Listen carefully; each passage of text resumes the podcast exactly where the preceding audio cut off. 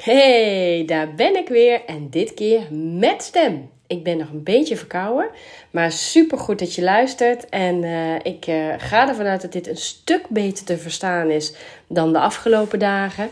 Want toen was het echt hopeloos. Um, het is inmiddels 30 december, twee dagen na mijn verjaardag. En ik had eigenlijk bedacht hè, om de 28e een soort reflectiemoment met je te delen van het afgelopen jaar. Nou, de poging was uh, uh, heel vriendelijk, zou ik willen zeggen. De uitwerking was gewoon kut. Klaar, kunnen we heel kort over zijn.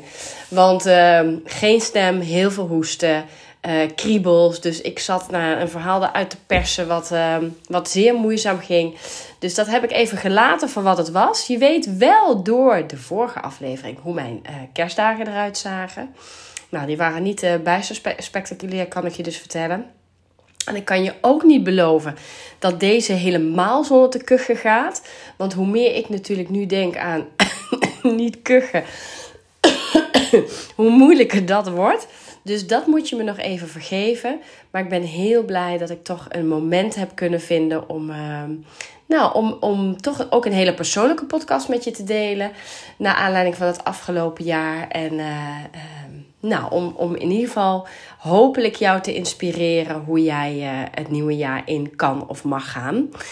En um, nou, ik heb een beetje nagedacht over: God, wat ga ik nou allemaal wel en wat ga ik nou allemaal niet delen? Want ik geloof er heel erg in um, dat het voor mij in ieder geval belangrijk is dat ik ook een klein stukje privé hou. Terwijl ik ben echt wel een open boek en deel eigenlijk alles, nou alles, vrijwel alles in de podcast dan wel um, op Instagram. En daar voel ik me ook heel oké bij. Dat kost geen moeite. Dat is helemaal ook wie ik wil zijn.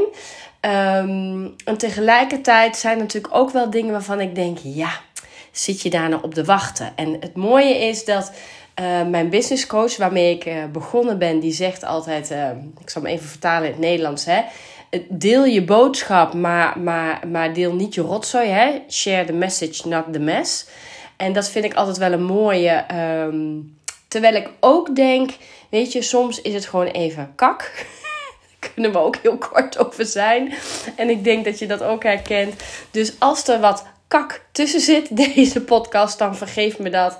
Uh, maar dan is die wel heel, uh, heel echt en oprecht. Want jeetje, jeetje, jeetje, wat een jaar was dit. En uh, nou, een jaar geleden op dit moment, hè, wat ik zeg, het is, het is 30 december als ik deze opneem. Uh, een jaar geleden had ik nog niet eens een idee dat ik überhaupt met een podcast ging starten. Of had ik nog niet eens een idee dat ik wel dat ik voor mezelf zou beginnen. Daar zal ik zo meteen even iets over delen. Maar niet dat ik natuurlijk mee zou maken wat ik daadwerkelijk heb beleefd het afgelopen jaar.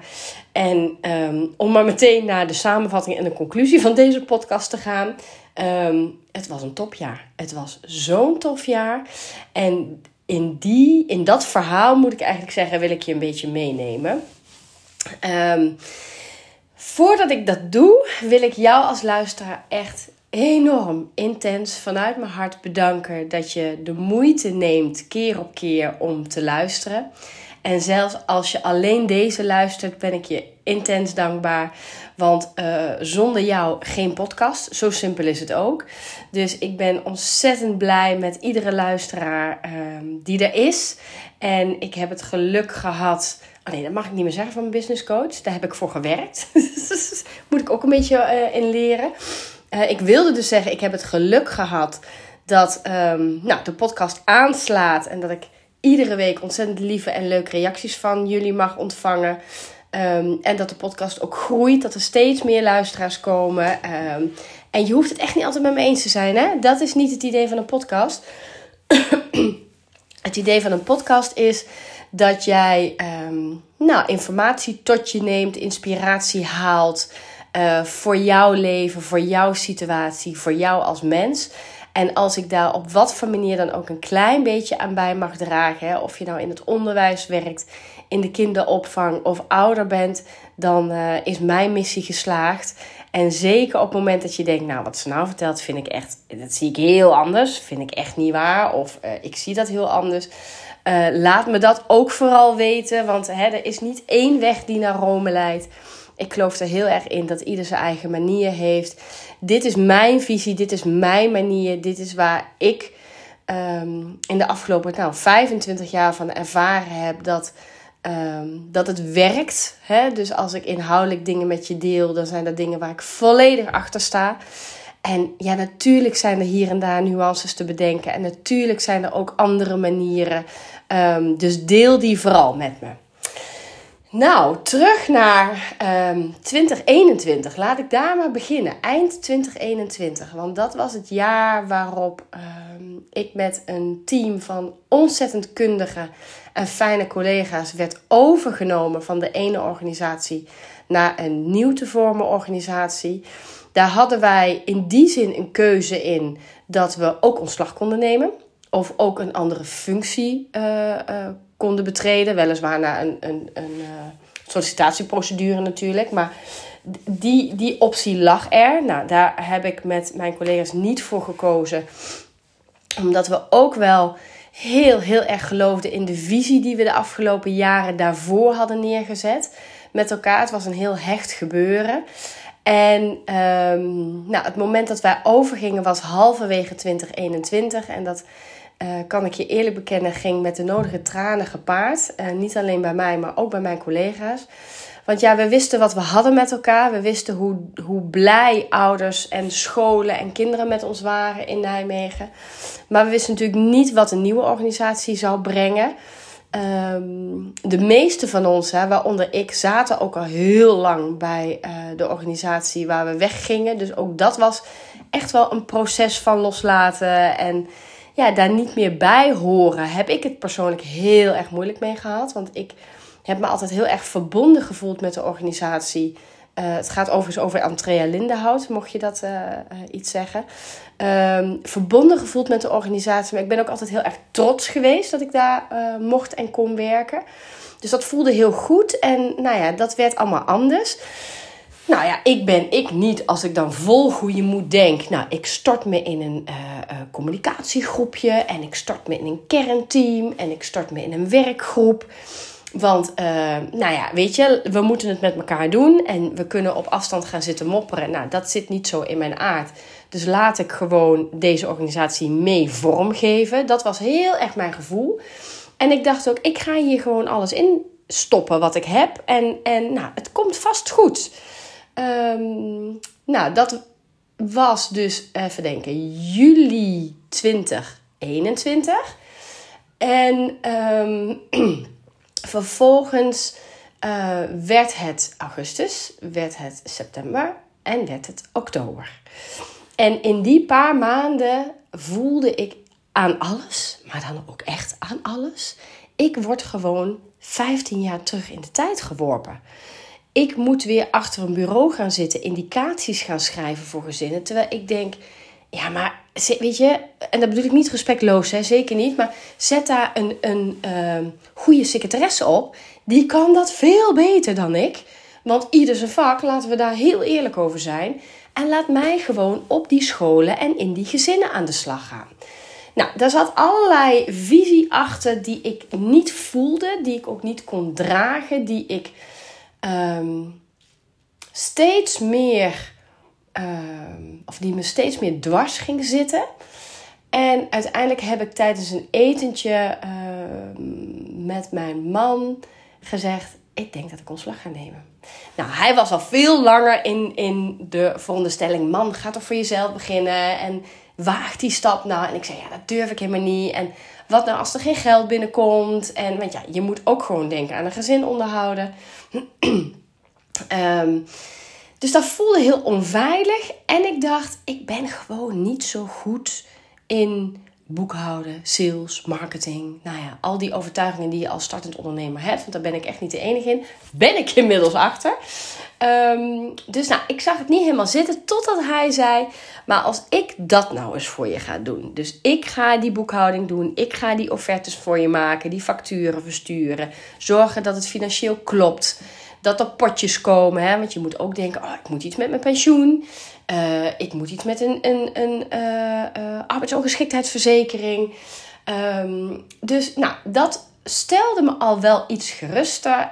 En ik voelde aan alles in mijn lijf, en dat bedoel ik ook echt in mijn lijf, dat ik dacht: ik wil eigenlijk gewoon niet meer bij deze nieuwe organisatie werken. Ik, ik kon niet achter hun visie staan. Ik kon niet meer doen waar ik goed in ben. En um, hè, wat, wat ik, die ik alles eerder aanhaal. Hè, Eline Haak zegt dat het zo mooi. Maar mijn hart van in de fik vliegt. Al, al dat, dat, zeg maar, was er niet meer. Dus ik was ongelukkig in mijn werk. Terwijl ik roep altijd: ik heb het mooiste vak van de wereld. Ik heb zo'n leuk beroep. Maar niet in deze context, niet in deze setting. Dus nou, dat uh, hebben we uh, uiteindelijk samen besloten op een, uh, ik geloof een donderdagavond in oktober. En ik heb de dag daarna meteen mijn ontslagbrief geschreven en gebeld met een manager en een teamleider. Nou, die waren not amused. maar ook dat kon me niet zo heel veel schelen. Ik dacht, ja, prima dat jullie dit heel jammer vinden. Dat is fijn, dat is goed voor mijn ego. Maar ja, weet je, het, het gaat toch niet veranderen. In ieder geval niet op korte termijn. En ik wil dit niet. Dus dat betekende half december uh, mijn laatste werkdag. Dat voelde goed. Hè? Ik vond het lastig om de mensen achter te laten. En ik, in een van de eerste podcasts heb ik daar ook iets over gedeeld. De mensen achterlaten, de gezinnen achterlaten, die scholen achterlaten. Dat vond ik pittig. Maar het feit dat ik dacht: oké, maar nu kan ik alles gaan doen waar ik blij van word. En dat klinkt dan heel luxe, hè? zo is het niet, hè? want er moeten ook heel veel dingen gebeuren die ik niet zo leuk vind, maar die wel horen bij ondernemerschap. Maar ik kan wel weer ehm, energie gaan halen uit kinderen, gezinnen, scholen. Dus uh, toen heb ik een, een lange kerstvakantie gehad en ik had mezelf ook echt de tijd gegeven in december vorig jaar, dus dat is echt deze tijd. Um, ik ga echt even vakantie vieren, loskomen van alles en iedereen. Om vervolgens in januari weer te gaan, nou niet weer, überhaupt te gaan knallen. En wat er knallen was, ik had echt geen idee. Ik had echt geen idee. En het stomme was dat ik een, uh, een soort van, uh, ja, hoe zeg je dat? Een aanvraag had lopen van een, een grote opdracht. Uh, en ik heb heel lang gedacht, als ik die binnenhaal, dan neem ik ontslag. En dat voelde zo niet goed, omdat ik steeds dacht: ja, dat is weer lekker veilig. Dan weet je in ieder geval dat er iets is. En dan ga je dan de stap zetten. Terwijl ik dacht: ja, maar ik wil deze organisatie niet meer. Ik wil iets anders. Um, ik kies nu voor ondernemerschap. Dan moet ik, daar hoort onzekerheid bij. Dat is heel duidelijk. Maar dan moet ik nu niet weer gaan wachten en op safe gaan spelen in de, in de hoop dat die opdracht doorgaat. En dat was een, een stevige opdracht uh, waar ook uh, de MR bij betrokken werd, hè, medezeggenschapsraad van de school, omdat het over, uh, nou, behoorlijk, inhoudelijk behoorlijk wel wat, wat ehm, thema's ging waarvan zij iets moeten vinden. dus dat duurde. Dus ik wist het niet toen ik ontslag nam of ik die opdracht nou daadwerkelijk wel of niet binnen zou halen. Nou, uiteindelijk heb ik die wel binnengehaald, maar dat hoorde ik pas eind februari, geloof ik. Dus toen was ik al wel eventjes onderweg. Nou, vervolgens um, begon dus in januari het grote ondernemersavontuur. En het grappige vind ik, nu ik terugkijk op dit jaar, denk ik: oké, inhoudelijk um, sta ik echt wel voor een boodschap. Vind ik ook van alles van opvoeden, gedrag, kinderen en alles wat erbij hoort. Maar ik moest nog een vak gaan leren, namelijk het vak van ondernemen. Die had ik niet helemaal zo ingeschat. In die zin dat het me gruwelijk veel gebracht heeft. Daar ga ik straks nog wel wat over delen. Maar ik had niet helemaal in de gaten dat ondernemen echt wel een vak is. En dat ik daar heel veel in te leren heb en had. En uh, nou ja, hè, dan begin je met, oh ja, ik moet iets van een fotoshoot. Ik zal toch een aantal fatsoenlijke foto's moeten hebben van mezelf. Uh, er moet iets van de website komen. Nou, uiteindelijk is die website dus pas, geloof ik, in november online gegaan. Dus zo lang heeft dat geduurd. Uh, omdat ik het gewoon veel te druk had met, met klanten. Wat echt een luxe probleem is. Uh, waardoor die website een beetje onderaan bungelde. Uh, maar goed, die fotoshoot gedaan in februari. Uh, nou, er moesten allerlei zakelijke rekeningen geopend worden. Nou, die KVK-inschrijving, die had ik inmiddels wel rond. Er moest een boekhoudprogramma aangeschaft worden. Want de eerste twee maanden deed ik het nog gewoon in een Excel-bestandje. Of deed Heiko dat dus een Excel-bestandje. En eigenlijk in februari, begin maart, zei hij: Schat, daar gaat hem niet worden. Dan moet, daar gaat hier, er is, dit is echt al een bedrijf aan het worden. Toen dacht ik: Oké. Nou, boekhoudprogramma, wist ik veel. Ja, weet je, dan ben ik ook, voel ik me ook echt zo'n blonde dolly. Ik weet het dan ook gewoon. Weet ik veel waar ik op moet letten. Ja, het moet kloppen, dat snap ik ook wel. Maar wat dan handig is om te doen en, en wat zo'n programma mag kosten en wat, wat reëel is, weet ik het allemaal. Dus ik was God zo dankbaar dat hij zei: Ik stort me erop, vertrouw op mij, het komt goed. Nou, gelukkig heb ik enorm veel vertrouwen in hem. Hij ging vervolgens ook een boekhoudcursus doen, een belastingaangiftecursus doen, want hij bleek dit waanzinnig leuk te vinden. Dus dat is ook een beetje mijn geluk geweest natuurlijk. Dus we hadden eigenlijk zo in maart, dacht ik, nou, er staat best een soort mini-basisje. Nou, hè, wat ik al eerder genoemd heb, Sandra Manders uh, van Bye Bye Boss Hello Freedom. Dat is het programma wat ik bij haar gedaan heb. Ja, dat was super fijn, want module voor module loodsen jou eigenlijk door een, een uh, ja, eh, als startend ondernemer door, door allerlei thema's heen die met ondernemen te maken hebben. Dus met filmpjes, met opdrachten. Uh, nou, ik vond hij heel erg beschikbaar en benaderbaar voor vragen. Dus als ik ergens toch nog mee vastliep, kon ik eventjes uh, een berichtje sturen of een mailtje of iets inspreken. Dat was super fijn. Uh, dus als je ooit hè, overweegt om desnoods naast je baan in loondienst voor jezelf te beginnen, ga alsjeblieft met haar in zee. Echt heel fijn. Um, dus dat was, dat was heel prettig. En um, toen werd het voorjaar en het liep allemaal eigenlijk wel lekker. En uh, hier thuis uh, hadden we vaak een soort grap van uh, als ik dan tegen de jongens zei: Ja, ik moet nog heel eventjes werken zometeen. Zullen we dan om 8 uur thee doen? Oh, moet je weer bouwen aan je imperium zeker? En dan zei ik voor de grap inderdaad van: Ja, ik moet wel even dat imperium binnen een paar jaar op, uit de grond stampen en optrekken. Nou, dan werd er heel hard gelachen. Ik zal je straks uitleggen waarom uiteindelijk dit nog grappiger is. En um, toen kwam in mei, geloof ik. Dus het liep allemaal eigenlijk heel lekker. En ik was blij. En ik had het gevoel van... Nou, ik kan weer doen waar inderdaad mijn hart van in de fik vliegt. En, en waar mijn bloed sneller van gaat stromen. Ik had superleuke opdrachten. ik kan niet echt zeggen dat ik heel erg nog moest verkopen. Want ja, voor mijn gevoel kwam het allemaal een beetje op mijn pad. Terwijl mijn huidige business coach zegt dat is bullshit. Want blijkbaar doe je daar iets in wat vertrouwen wekt. Je hebt een bepaalde expertstatus. Je weet waar je het over hebt. Dus doe nou niet zo bleu en doe niet alsof het je allemaal komt aanwaaien. Want dat is niet zo. Nou, dat vind ik nog best een lastig om die helemaal te doorvoelen. Maar ik probeer mezelf dat dus heel erg uh, uh, te zeggen ook. Nou, en toen kwam in mij het hele RTL-verhaal natuurlijk. dat was geloof ik eind mei. Nou, er zijn meerdere podcasts over opgenomen, hè, dus daar ga ik niet heel erg over uitweiden. Ik ga wel even een slokje nemen. Um, in die zin uitweiden hè, dat, um, nou ja, dat, dat is met een aantal gesprekken en screentests en een filmpje en nog een mail en een, een um, aflevering uit het buitenland kijken. Uh, nou, is dat tot stand gekomen. Dus die zomer was echt crazy.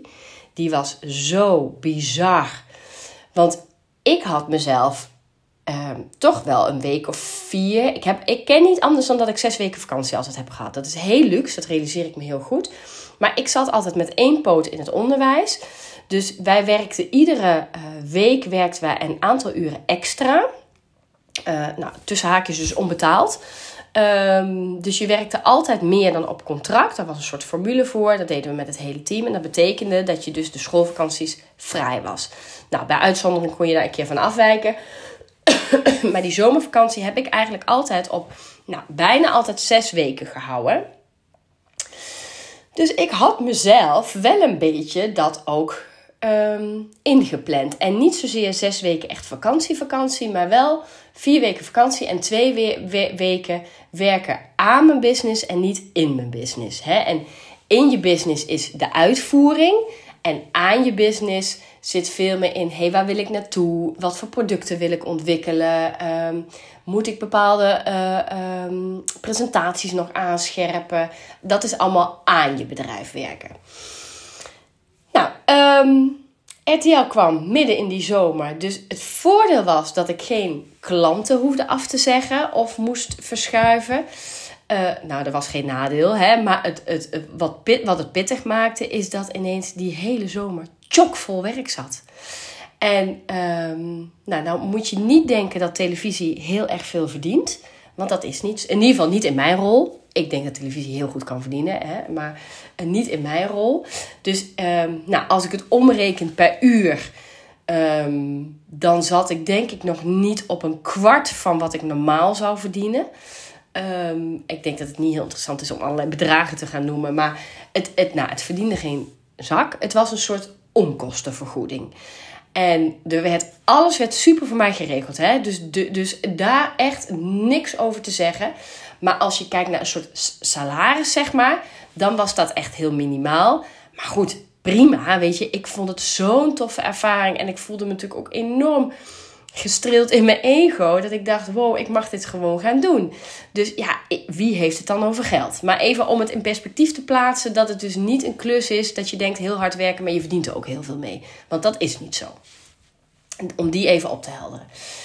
Nou, dus die hele zomer was gewoon aanpoten, aanpoten, aanpoten. En ik vergeet nooit dat toen de opnames achter de rug waren uh, en ik weer teruggereisd was naar Frankrijk, waar de rest van mijn gezin op dat moment was, met uh, onze goede vrienden met wie wij eigenlijk altijd wel op vakantie gaan. dat mijn beste vriendin zei: Je bent bijna niet aanspreekbaar.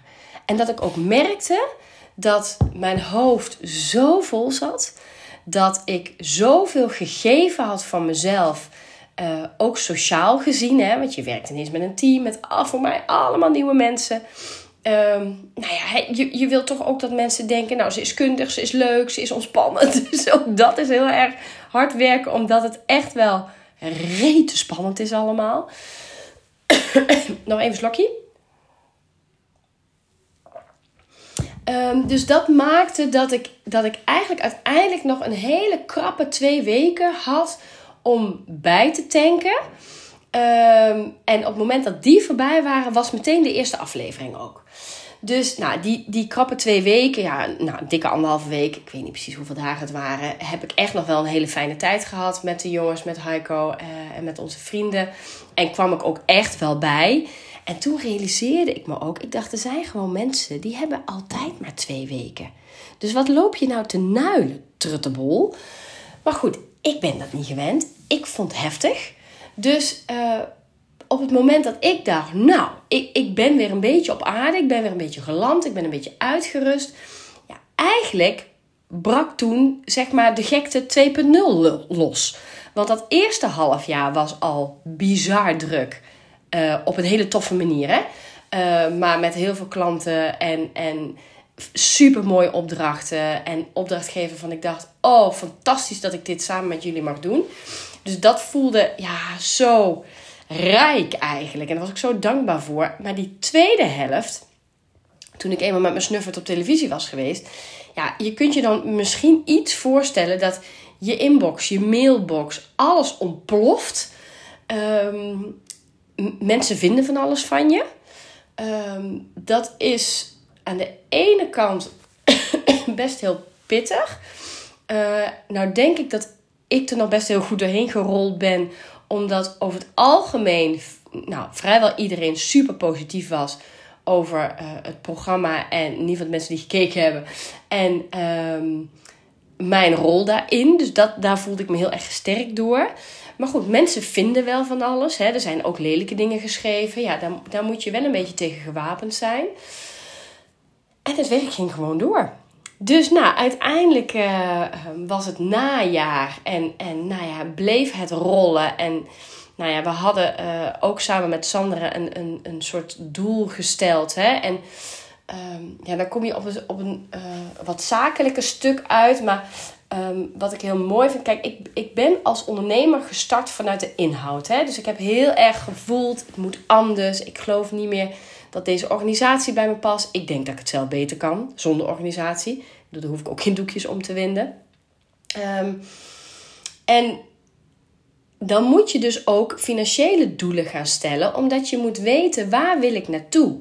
En dat vond ik allemaal heel ingewikkeld. Heb ik natuurlijk nooit hoeven doen. Ik kreeg gewoon lekker mijn salaris. Dus nou ja, uiteindelijk sluit ik dit jaar af ehm, ver boven dat gestelde doel. En ehm, nou, ik had het er met een vriendin over. Ik zeg, en het stomme is, kijk, dat geld is heel fijn. In die zin dat ik ook uit een uh, situatie kom hè, na de scheiding. Dat ik echt dacht, kak, ik moet tanken. Ik moet nog drie dagen koken. En er moet nog een kind een verjaardagscadeautje uh, kopen voor een kinderfeestje. Hoe?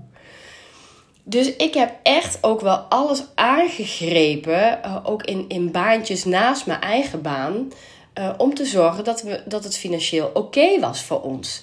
Dus um, ik heb ook de andere kant van de medaille gezien. Dat wil ik er eigenlijk mee zeggen. Hè? Dus, dus dat geld is lekker, dat voelt goed. Terwijl ik maak gewoon salaris naar mezelf over. Um, en dat is eigenlijk nauwelijks meer dan wat ik in loondienst had. Maar het geld waar ik nu op doel is met name het geld wat ik weer in mijn bedrijf kan investeren om te groeien als mens. Hè, dus een stukje persoonlijke ontwikkeling. Mijn bedrijf te professionaliseren. Dingen uit te besteden. Um, dingen te creëren. Ja, en dat voelt echt fantastisch. En um, in alle oprechtheid, ik werk niet voor een grote huis. Ik werk niet voor een hele dure auto of een nieuwe auto. Natuurlijk hebben wij ook financiële verlangens en doelen uh, voor de toekomst. Hè. Ik zou ooit heel, heel, heel graag een campertje willen. Um, waarbij we gewoon lekker de bergen in kunnen trekken, te pas en te onpas. Ja, daar is geld voor nodig, dat is heel duidelijk. Um, dat verlangen is te zeker. Maar het verlangen om gewoon een mooi bedrijf neer te zetten waarbij ik kan doen waar ik heel blij van word, waar ik toevallig heel veel verstand van heb, wat ik volgens mij ook best goed kan overbrengen en waar ouders en, en onderwijsland, hè, opvangland, heel blij van wordt, waardoor het een stukje makkelijker wordt en uh, waardoor kinderen zich beter begrepen voelen, waardoor um, opvoeden ontspannender wordt, uh, mensen weer vertrouwen krijgen. Ja, dat is waar ik het voor doe. Maar goed, als je ondernemer bent, horen die doelen er dus toch ook gewoon bij. Dus ik denk dat ik in die zin kan terugkijken op een fantastisch jaar. Um, maar wat ik nog veel um, bijzonderder vind, um, is dat ik als mens zo gegroeid ben. En die had ik niet helemaal zien aankomen. En daarmee bedoel ik dat. Bedoel, ik ben 44 geworden afgelopen blablabla, twee dagen geleden, 28 december. En dan denk je toch, nou, hè, je hebt wel, ik heb wel wat dingen meegemaakt in het leven. Uh, nou, ik heb mijn kinderen op een aardige manier grootgebracht. We zijn er nog niet helemaal, hè, maar uh, um, nou, het gaat goed met ze. Uh, ik heb inmiddels hè, een stabiele financiële situatie. Ik heb een waanzinnig fijn huis. Niks bijzonders, niks groots, niks extreem luxe, maar wel een heel fijne plek. Uh, met hele fijne buren, met een fijn straatje. Uh, ja, dat, dat is me heel veel waard. Um, dus ja, dan denk je, nou, ik, ik heb het op orde. En dan stap je dus in zo'n ondernemersreis. En dan merk je dus eigenlijk pas hoeveel meer je jezelf toch weer gaat stretchen en gaat ontwikkelen. Nou, en een van die dingen hè, is dat, dat financiële stuk, om daar überhaupt over na te denken en doelen in te stellen, vind ik heel ingewikkeld. En nou, krijg ik ook een beetje paniekaanvallen van zo nu en dan. Dan denk ik, oh, waarom is dat? Ik kan toch gewoon mijn salaris verdienen en dan is het wel prima. Ja, dat is ook prima. Voor heel veel ondernemers is dat ook prima. Maar ik ben een ondernemer. Ik heb iets te doen in, op deze wereld. Ik heb een missie. Ik wil impact maken. Ik wil zorgen dat, um, dat het in zoveel huizen veel ontspannender wordt. Dat uh, in zoveel gezinnen er zoveel meer afstemming op elkaar gaat zijn. Nou, noem maar op. Daar ga ik van aan. Dus ja, dat is dan een stukje persoonlijke groei. Want je bent ook als ondernemer meteen heel kwetsbaar. want alles is onzeker. Um, en zeker ook hè, omdat je je nek wat meer gaat uitsteken. Hè, en dat leer ik nu weer heel erg van mijn huidige business coach. Uh, Sandra is echt een starterscoach, hè, dus ook een hele goede. En de coach die ik nu heb, dat is een coach die, die eigenlijk alweer in een volgende fase met mensen uh, gaat werken. Hè. Dus je basis staat en nou, daarna wil je gaan groeien. Tenminste, ik wil dat. En dat, dat hè, er zijn ook heel veel ondernemers die vinden het prima als ze een bepaald iets hebben en willen het daarbij houden. Nou, perfect. Soms denk ik, had ik daar maar een beetje van. Maar ik heb toch behoorlijk wat ambitie in mijn donder. Um, heb ik denk ik overigens ook niet van een vreemde. dat ik dat ook een beetje met de paplepel ingegoten heb gekregen.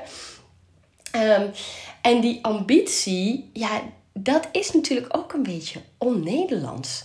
En uh, dan kom ik even terug op dat imperiumverhaal.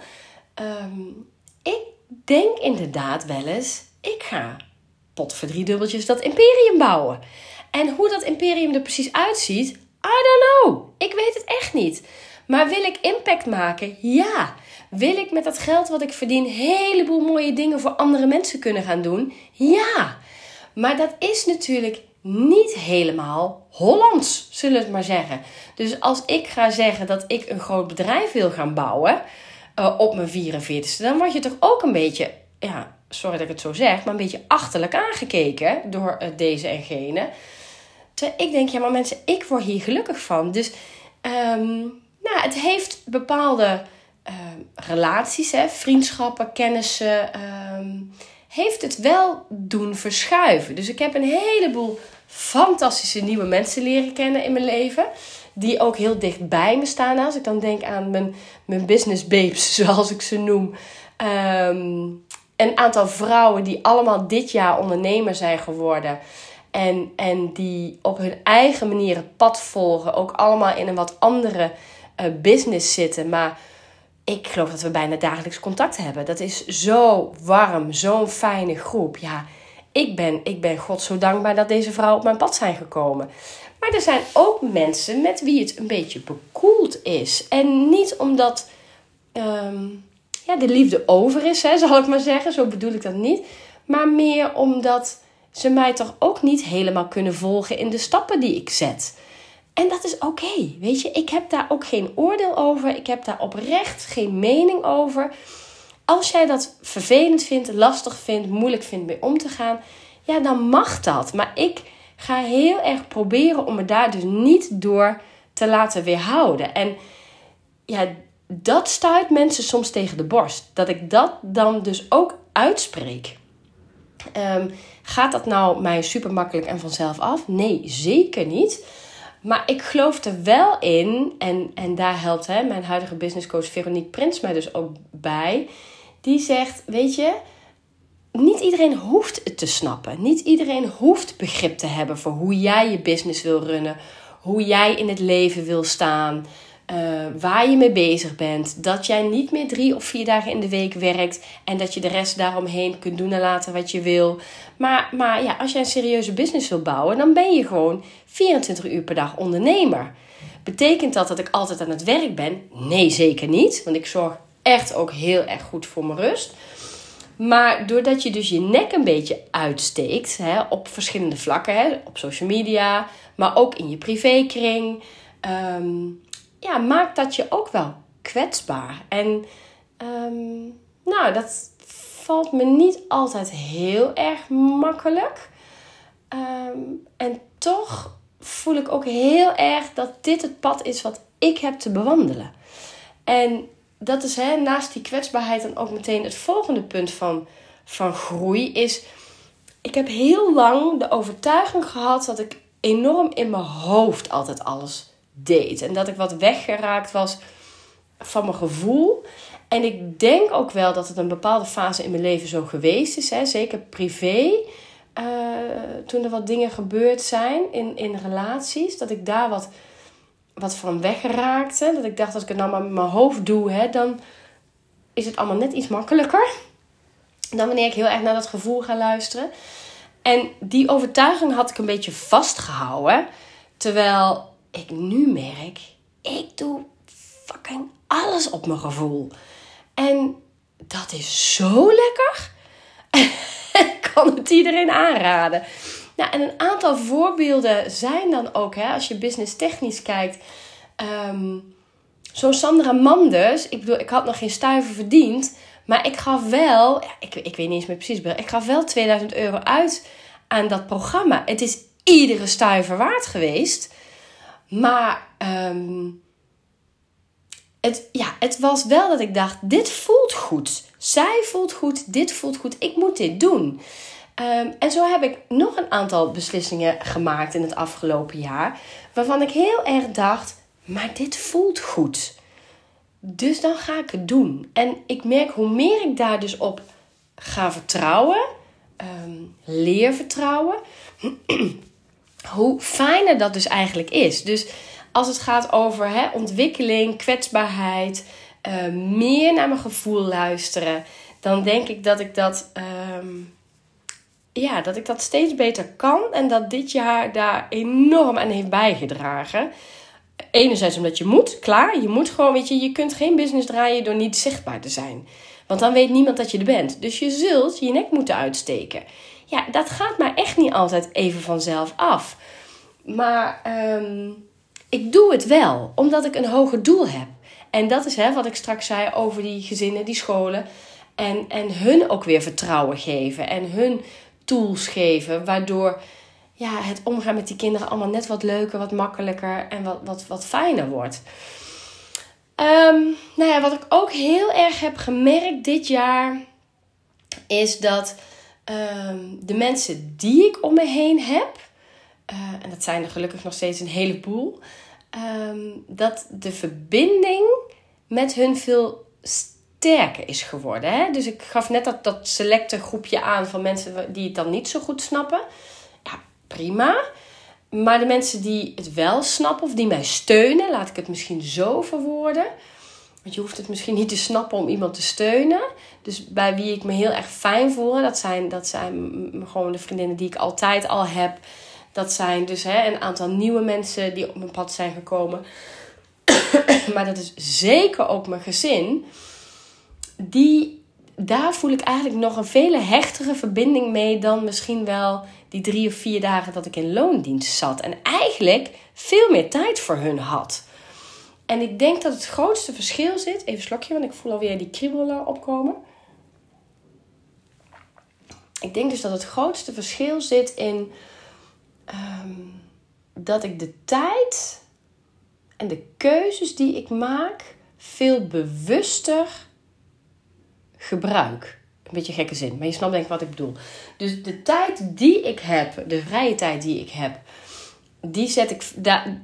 Nou, zo moet ik hem denk ik zeggen. De vrije tijd die ik heb, ehm, daarin maak ik veel bewuster de keuzes waar ik die tijd dus aan wil besteden. En ehm, nou ja, uiteindelijk komt mijn gezin nog steeds op de eerste plaats. En ehm, weet je, zij hebben best wel weken gehad met mij dat ik echt rete druk was. En dat ze het een beetje zelf moesten rooien. En ik ben er dan wel, maar ik ben dan niet altijd even beschikbaar. Maar er zijn ook fases geweest, en die zijn eigenlijk nog veel vaker voorgekomen dus dan daarvoor, is dat dat periodes zijn waarvan ik denk: wow, maar nu hebben we echt heel veel kwaliteit tijd met elkaar. Nu zijn we echt heel bewust met elkaar iets aan het doen. En of dat dan een spelletje thuis is, of een borrelplank in de keuken in elkaar flansen, of we gaan ergens naartoe, dat maakt dan eigenlijk geen reet uit. Maar dan ben ik er ook wel echt. En dan wil ik ook met mijn hele aandacht bij die kinderen zijn, bij mijn man zijn, bij die hond zijn. en dat is echt wel een, ja, vind ik wel een verrijking ten opzichte van ehm, daarvoor. Ik denk daarvoor was het, ehm, wist ik dit wel en deed ik het met momenten ook. Maar was het toch, ja, hoe zal ik dat zeggen? Meer een ja, sleur. Ja, dat klinkt een beetje een nawoord, hè, sleur. Maar toch meer hè, gewoon die drie of vier dagen in werken. Uh, ja, eigenlijk van, van acht tot vijf. Uh, vaste dagen, vaste rituelen, vaste patronen. Um, en sommige mensen doen het daar heel goed op. Ik merk dat ik het dus nou, beter weet, kijk nog niet. Want dat kan ik na een jaar misschien nog niet zeggen. Maar dat ik het ook heel goed doe, laat ik het zo dan benoemen. dat ik het ook heel goed doe op juist die vrijheid En denken, oké, dinsdagmiddag drie uur. Ja, ik ga even naar de nagels naar de kapper. Want dinsdagavond om zeven uur heb ik een gesprek met ouders. Of ehm, ik, ik zorg dat ik die vrijdag vrij ben, want dan hebben de kinderen iets van school. Dat betekent wel dat ik zondagochtend, terwijl iedereen nog in zijn mandje ligt, even een paar uur moet werken. Ja, ik vind dat prima en ik doe het daar dus heel goed op. Maar ook dat zijn keuzes waarvan ik denk, die moet iedereen heel erg voor zichzelf maken. Waar doe jij het goed op? Maar ik ben wel heel blij dat ik dit jaar heb kunnen ervaren dat dit voor mij dus ook heel erg goed werkt. Nou, wat wilde ik nog meer ehm, met je delen? Ehm, er zijn natuurlijk ook wat tegenslagjes geweest. En ik moet zeggen, die zijn echt klein. Dus ehm, ik ga hier geen klaagzang houden. Maar de belangrijkste les die ik geleerd heb, denk ik, is dat ik niet een ander kan redden. En dat weet ik natuurlijk uit 24 jaar hulpverlening ook wel. Want ik ben natuurlijk wel vaker uh, uh, met mijn neus ergens tegenaan gestoten. Maar op het moment dat je het dan helemaal voor jezelf gaat doen. even slokje.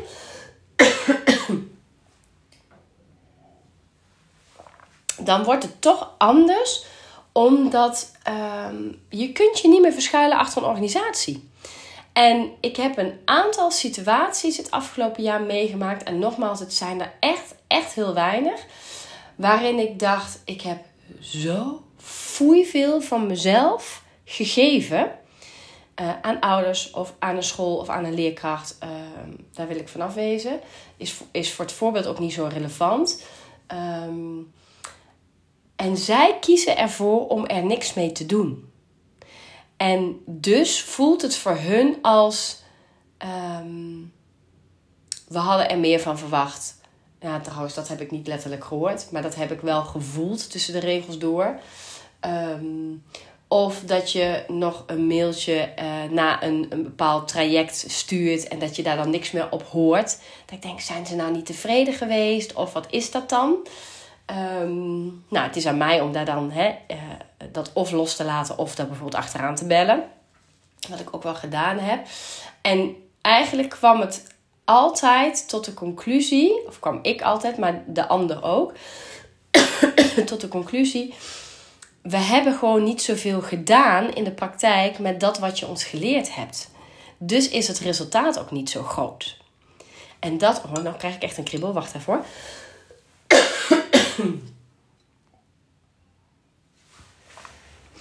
En dat um, vind ik soms lastig.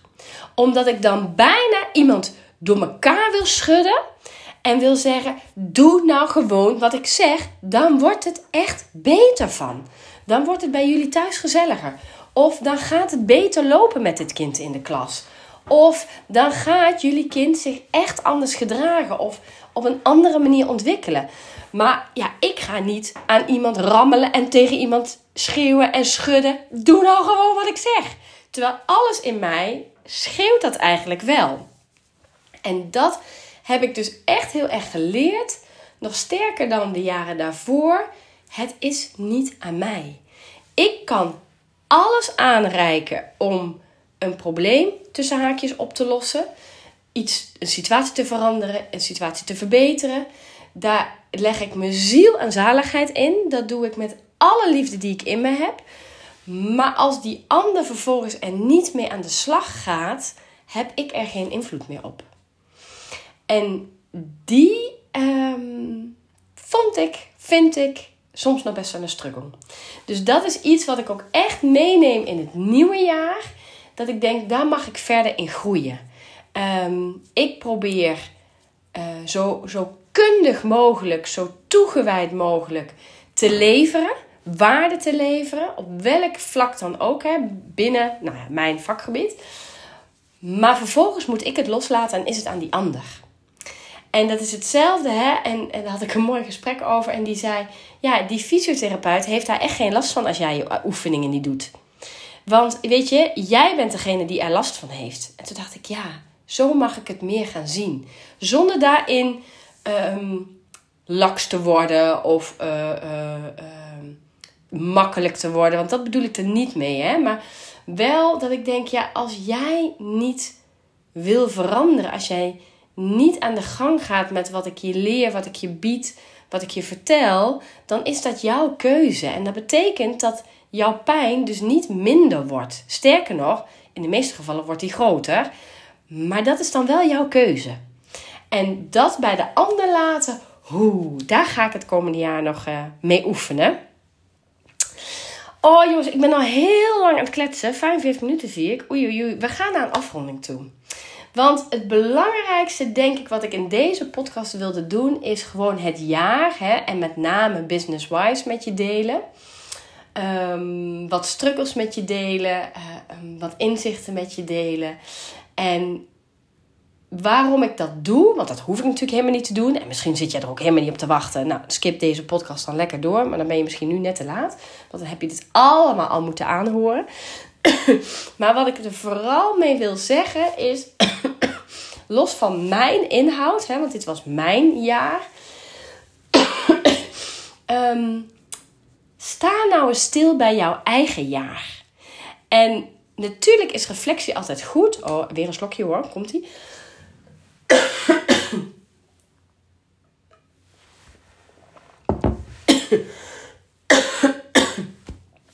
reflectie is goed.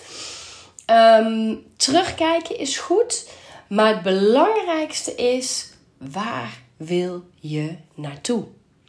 En ik heb zelf wat moeite met goede voornemens omdat ik denk, dat ga je namelijk toch niet doen. Want dan kunnen we met z'n allen overmorgen gaan uh, bedenken dat we toch met z'n allen weer wat meer gaan sporten, wat gezonder gaan eten, wat minder op onze telefoon gaan zitten, wat meer aandacht aan onze kinderen gaan besteden. Uh, nou, noem allemaal maar op. Uh, en eind januari zijn we al die voornemens weer kwijt. Um, ik geloof heel erg in intenties. Waarbij ik intentie niet zie als ik ga het proberen. Maar dit is wat ik echt anders wil. En op het moment dat die drive echt groot is. dan gaat het niet over een voornemen. Maar dan gaat het iets over waar je aandacht aan gaat besteden. En wat gewoon gaat lukken. Want dan is het geen vraag meer of het gaat lukken. Het gaat lukken.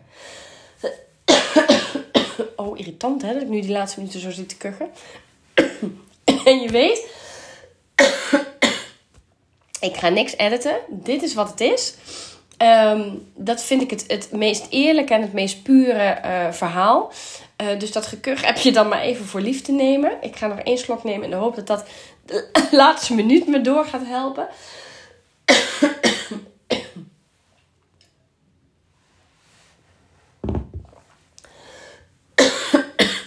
Ik dacht dat ik iets fitter was, maar als ik nu zo lang praat, dan merk ik dat het toch nog niet helemaal lekker loopt. Goed, goede voornemens versus intenties. Dus hè, um, wat wil ik je meegeven in deze podcast? Denk na, serieus nadenken. Hè? Dus niet ja, eventjes, uh, echt even stilstaan bij hoe was het afgelopen jaar? Wat wil ik anders in het nieuwe jaar? Niet als voornemen, maar dit ga ik doen. En in mijn geval zou ik je dan willen vragen: doe dat dus um, richting de doelen die je zou willen, de veranderwensen die je hebt, richting of je eigen kinderen, of je klas, of de groep waar je werkt. Omdat ik heel, heel, heel erg geloof in als jij besluit, zo ga ik het doen, dan gaat het je lukken. En dan gaat het niet vanzelf, dat zeg ik niet. En ik zeg ook niet dat het zonder horten of stoten gaat. Ik zeg ook niet dat het niet zinvol is om af en toe eens ergens hulp bij te vragen. Absoluut allemaal heel waardevol en nuttig. Maar als jij wilt dat het verandert, dan gaat het veranderen. Alleen jij moet de eerste stap gaan zetten.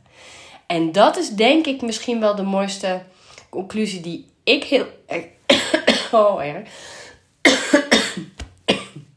Die ik heel erg heb gevoeld dit jaar ik was ontevreden met het leven zoals ik het eind 2021 had. Ik heb een besluit genomen om het anders te gaan doen. Dit is overigens best een rigoureus besluit. Het kan ook veel kleiner, hè? Laat ik dat even erbij vermelden. Voordat iedereen al mas en baan gaat opzeggen. Ehm, dus het kan veel kleiner. Maar ik heb dat besluit genomen. En als ik nu terugkijk op ja, wat het me gebracht heeft, dan denk ik: wow, er is zoveel meer mogelijk dan je denkt. En dat is op ieder vlak. Dat heeft te maken met de liefde, dat heeft te maken met geld, dat heeft te maken met werk, dat heeft te maken met uh, vrienden, vriendschappen. En het heeft ook heel erg te maken met opvoeden, de sfeer in huis en hoe jij wil dat jouw kinderen in 2023 groot worden en zich gaan voelen. Ik ga jou heel erg bedanken voor het luisteren naar deze ontzettend lange podcast. ik uh, hoop jou in 2023 gewoon weer als podcastluisteraar te mogen begroeten. En uh, dan sluit ik af met uh, je vertellen of je wensen, een heel mooi, een heel nieuw jaar wensen. Nu kom ik helemaal niet meer uit mijn woorden. Um, heb een goede jaarwisseling en we spreken elkaar heel gauw weer. Tot dan hè. Doei doei.